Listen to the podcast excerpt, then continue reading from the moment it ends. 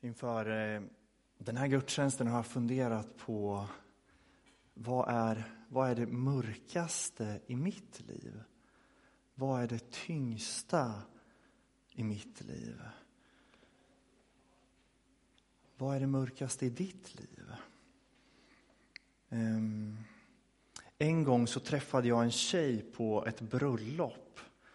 Ehm, vi pratade om lite allt möjligt, ni vet sådär som man gör i det här tio minuters minglet, ni vet sådär va, som uppstår på bröllopet.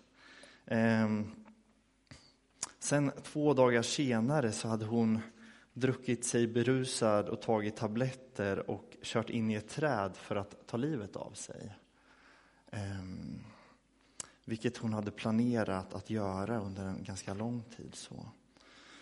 Um, och jag träffade bara den här personen en gång. Eh, en superfin, glad tjej. Va? Eh, sen två dagar senare så sätter hon sig i den där bilen. Va? För att en tredje gång försöka ta sitt liv. Och sånt tvingar ju oss att fundera. Vad hade jag kunnat göra annorlunda? Varför verkade hon så glad? Och varför såg jag inte att hon mådde dåligt?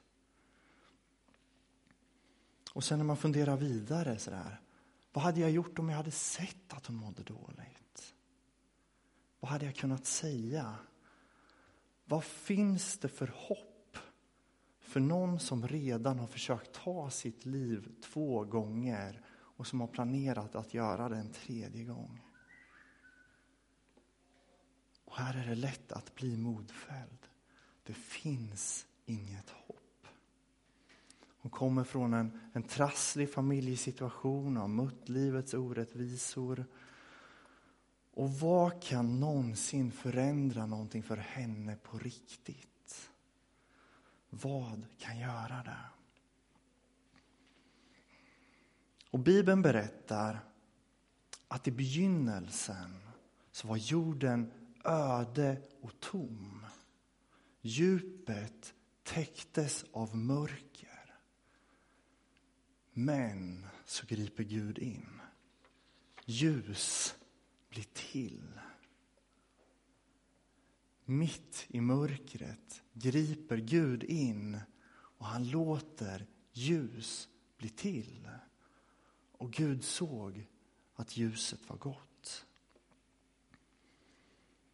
Och så ser han att jorden är öde och tom. Och Gud talar och liv blir till. I en värld som saknar liv blir livet till. Han skapade organismer, växter, djur och människor. Och så såg han att allt var mycket gott. På sju dagar var skapelsen fullbordad. Och här hade berättelsen kunnat sluta. Sen var allt frid och fröjd. Om inte människorna hade låtit mörkret och döden komma in i världen igen. Allt det som var perfekt hade kunnat bestå. Men människan började ifrågasätta. Tänk om Gud undanhåller någonting för oss. Tänk om Gud försöker lura oss. Och så valde människan att lämna Guds goda för att själv få, få, få stå, själv ska få bestämma.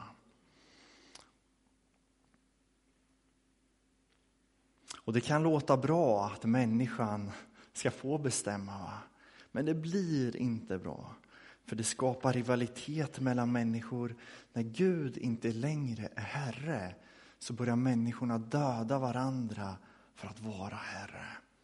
Och så är hela den här våldsspiralen igång. Och Gud som älskar människorna försöker på olika sätt upprätta skapelsen. Han berättar om hur man lever ett gott liv. Han ger människorna lagen, men den förvrids. Han sänder profeterna som ska visa, men folken lyssnar inte. Han utväljer kungar som ska regera, men de blir korrupta.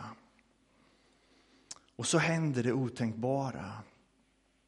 Det som är helt unikt, som ingen människa i historien har vågat drömma om. Som inte finns återberättat i, i en enda saga eller berättelse dessförinnan. Gud blir människa för att kunna möta människorna. Då kanske han kan befria dem ut ur mörkret. Men Gud blev dödad och inte i en olycka utan Gud blev dödad av dem som han kom för att rädda. Och det är vi, mänskligheten, som dödar honom. Gud dör och allt hopp är ute för människorna.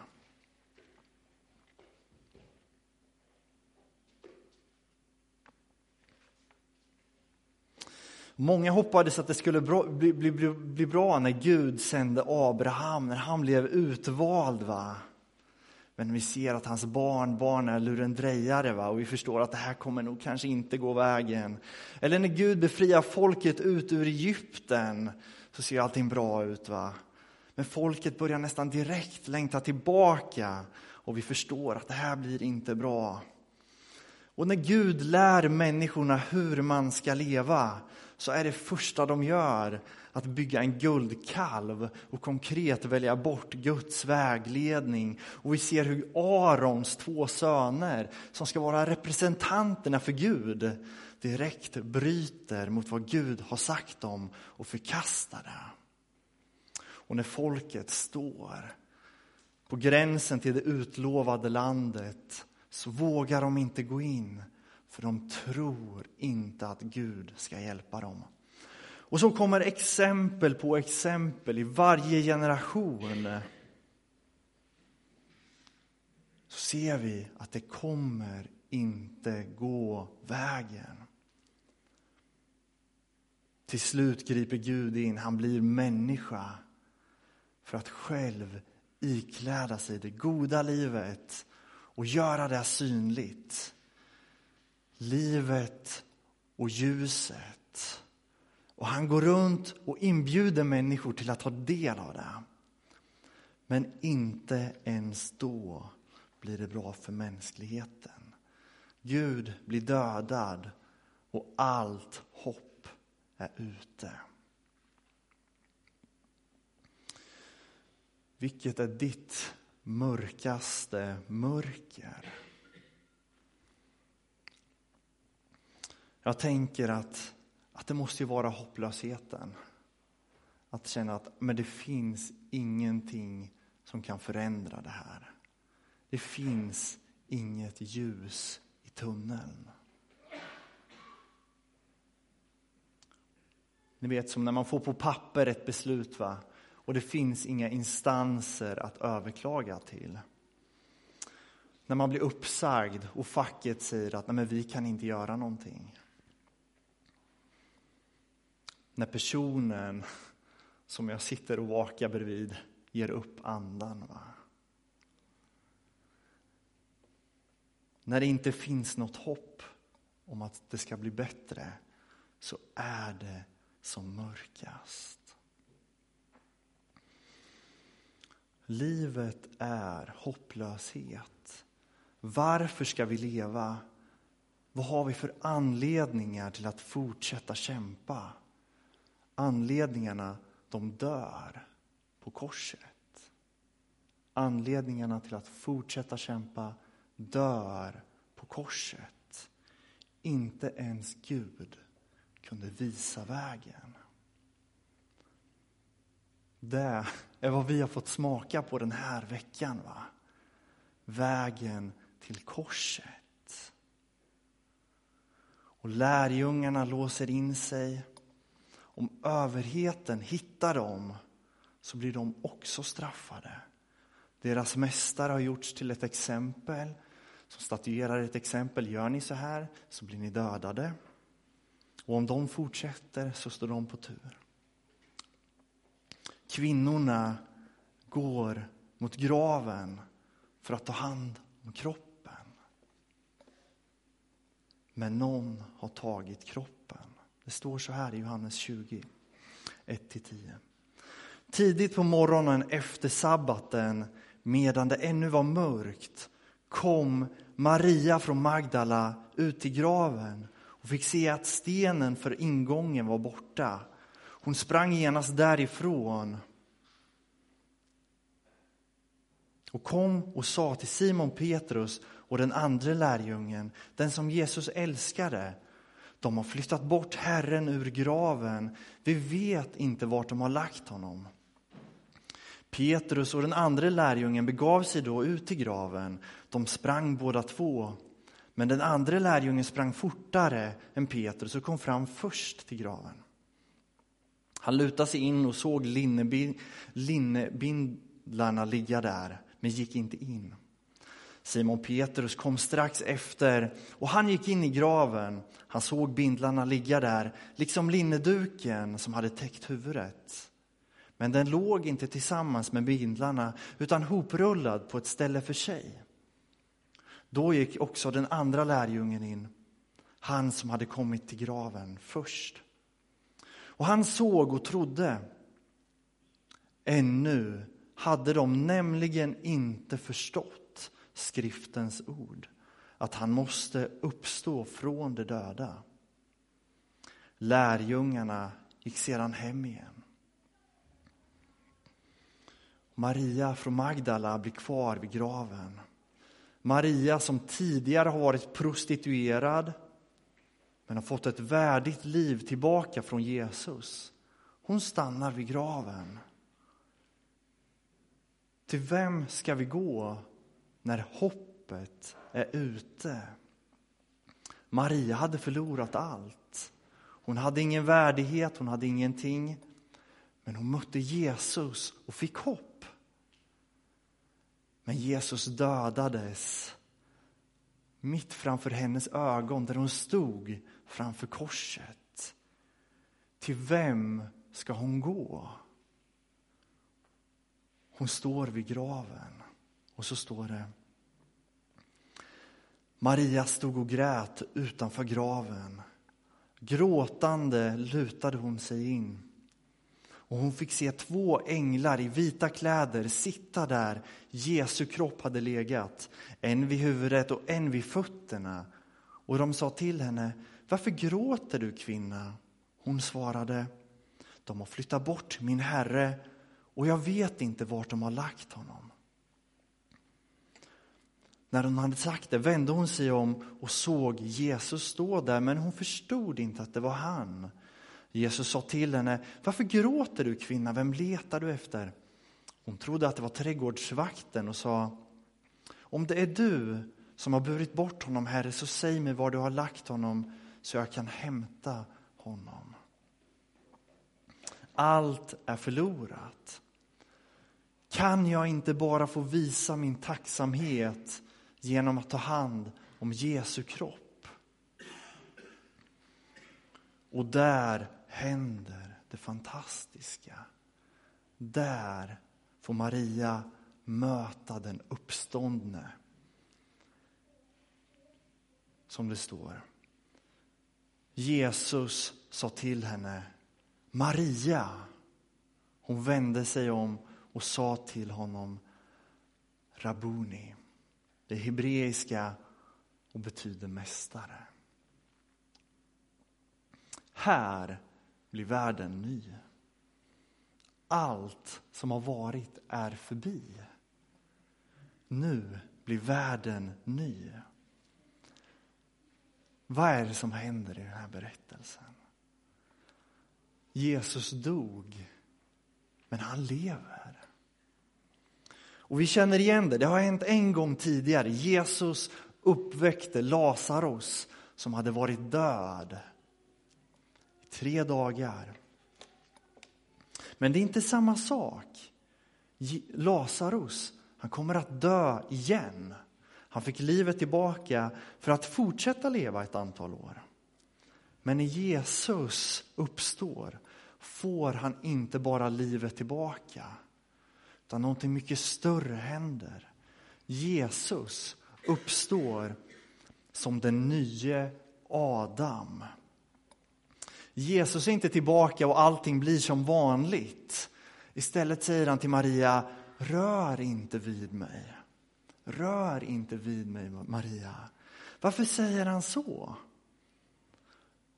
Jesus är inte ett spöke som man inte kan röra. För han ska snart säga till Thomas att Thomas ska känna på honom. Det Jesus säger är kanske snarare Maria, jag är inte densamme. Det blir inte som förut att vi ska gå runt i Galileen och, och förkunna budskapet. Någonting nytt har hänt och därför ska jag till min fader. Jesus är den nye Adam. Jag vet inte om du har tänkt på det, men Jesus uppstår på söndagen. Söndagen är den första dagen i veckan. Jesus uppstår på den åttonde dagen. I våra svenska kalendrar så ser vi ju inte det här. I våra svenska kalendrar slutar ju med söndagen. Söndagen är den sjunde dagen. Ni blir säkert lika irriterade som mig när man kollar fel i sin kalender på telefonen för att den, den börjar med söndagen va? och slutar med lördagen.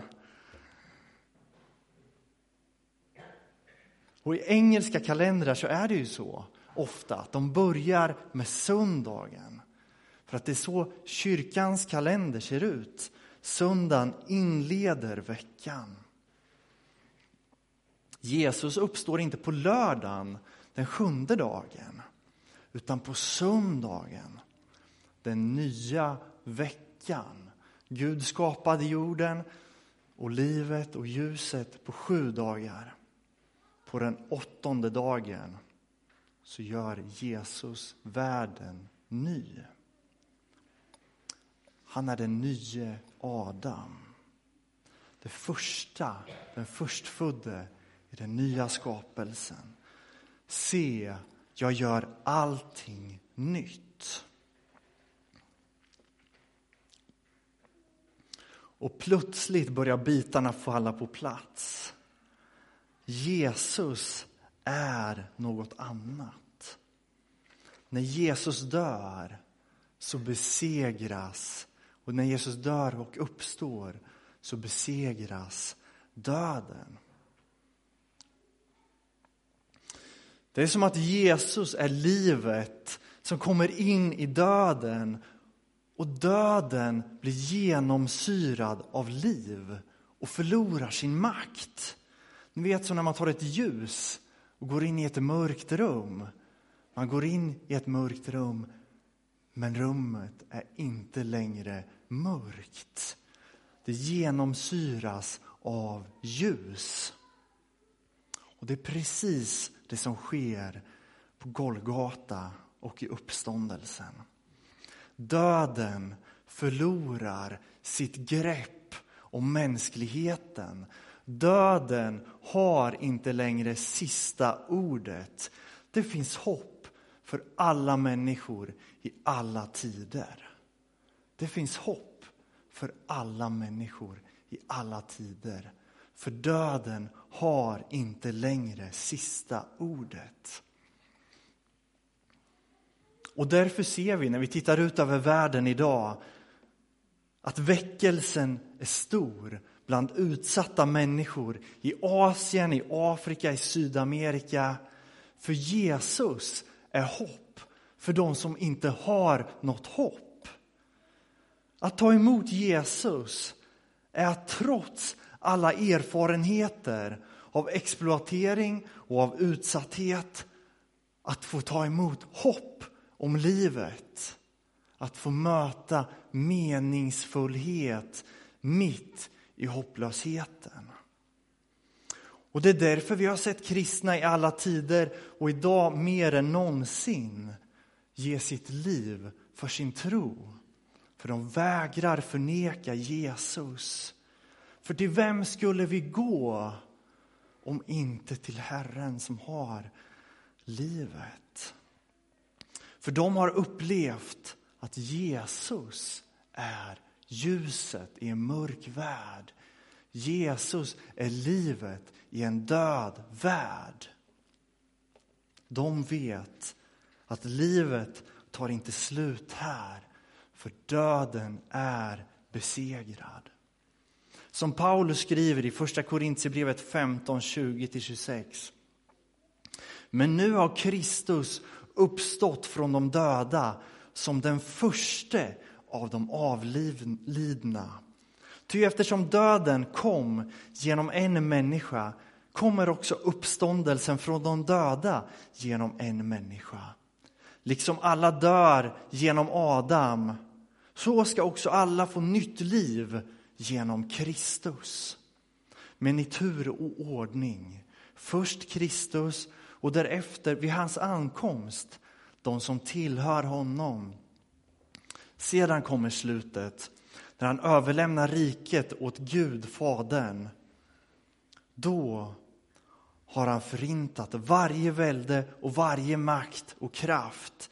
Ty han måste härska tills han har lagt alla fiender under sina fötter. Den sista fienden som förintas är döden. Hur ska det ske? Jo, genom att Jesus uppstår som den nye Adam på den åttonde dagen i skapelsen. Och det är precis det här vi får ikläda oss i dopet. Va? Vi begraver vår gamla människa och den nya människan får liv. Det är inte längre Adam som lever utan barn till den nye Adam som uppstår ur dopgraven. Till en ordning där döden inte längre har någon makt.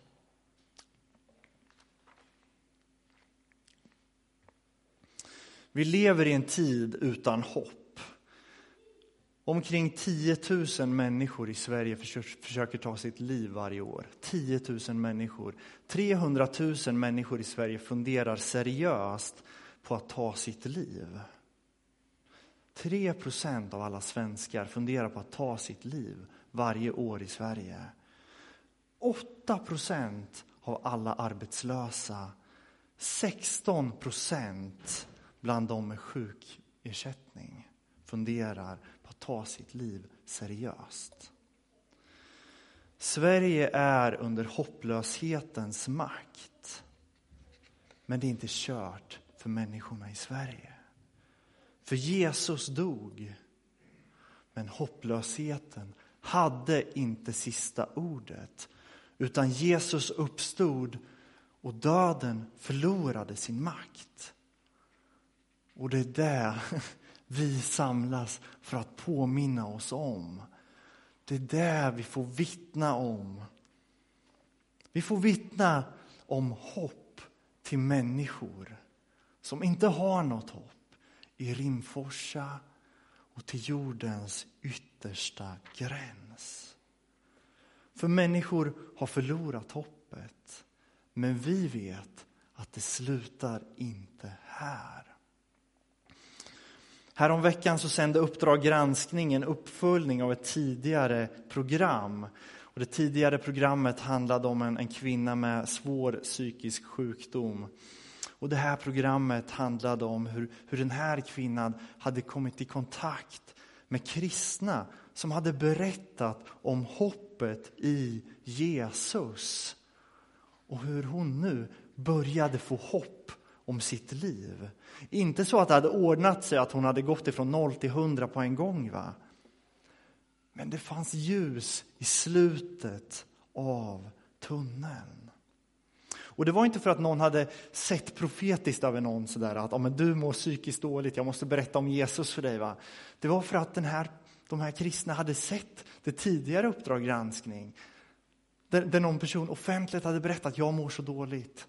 Och, och de hade kontaktat dem. Va?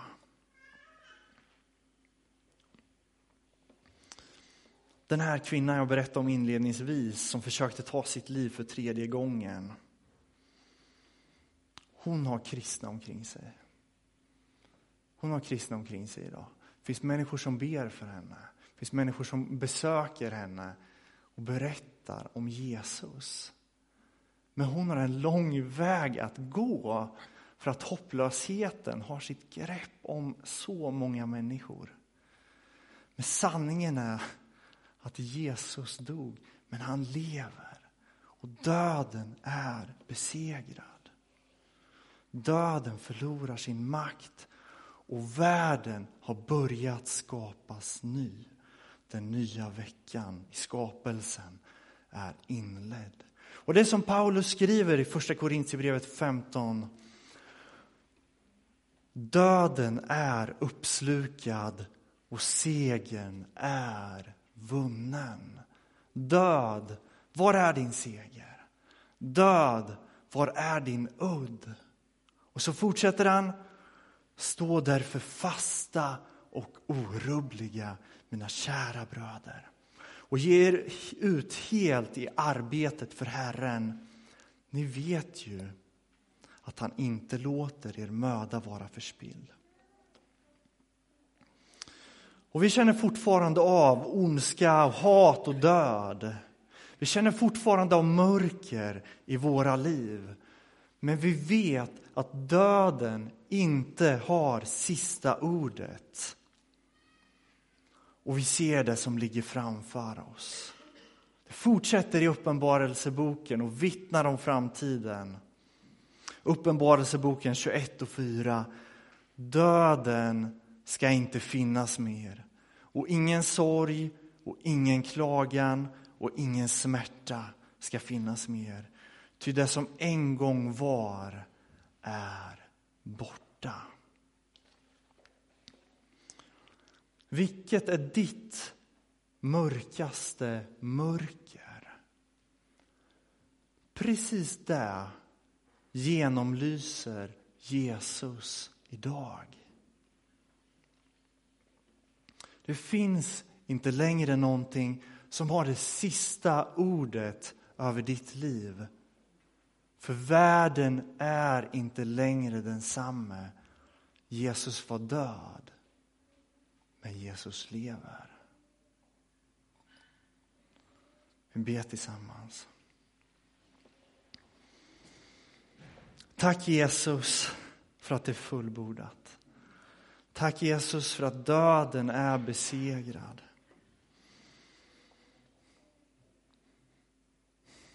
Och Jesus, du ser den makt som döden har i vårt samhälle och i våra liv, Jesus. Där, Jesus, vill vi ta emot dig, Herre, som livet själv. Jag ber, Herre, grip in i våra liv. Jag ber att vi ska få ta, ta del av ditt liv i våra liv, Herre. Där död råder, ber jag att, att ditt liv ska få råda, Herre. Där mörkret råder, ber jag att ditt ljus ska få råda, Herre. Tack Jesus för att världen inte längre är densamma.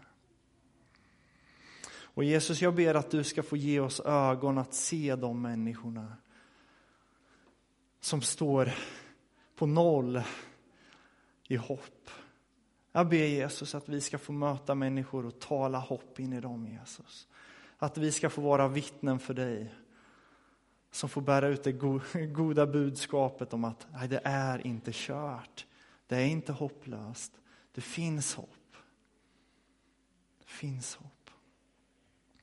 Och Jesus, vi ber för, för den här kvinnan specifikt, Jesus, som försökt ta sitt liv, Jesus. Jag ber, Herre, att du ska få gripa in i hennes liv, Jesus. Och du ser andra människor som vi tänker på som finns där, Jesus. Vi ber, Herre, grip in i deras liv. Jag ber Jesus att vi ska få se konkret att ljuset besegrar mörkret. Jag ber om det. Kom helige Ande, gör ditt verk.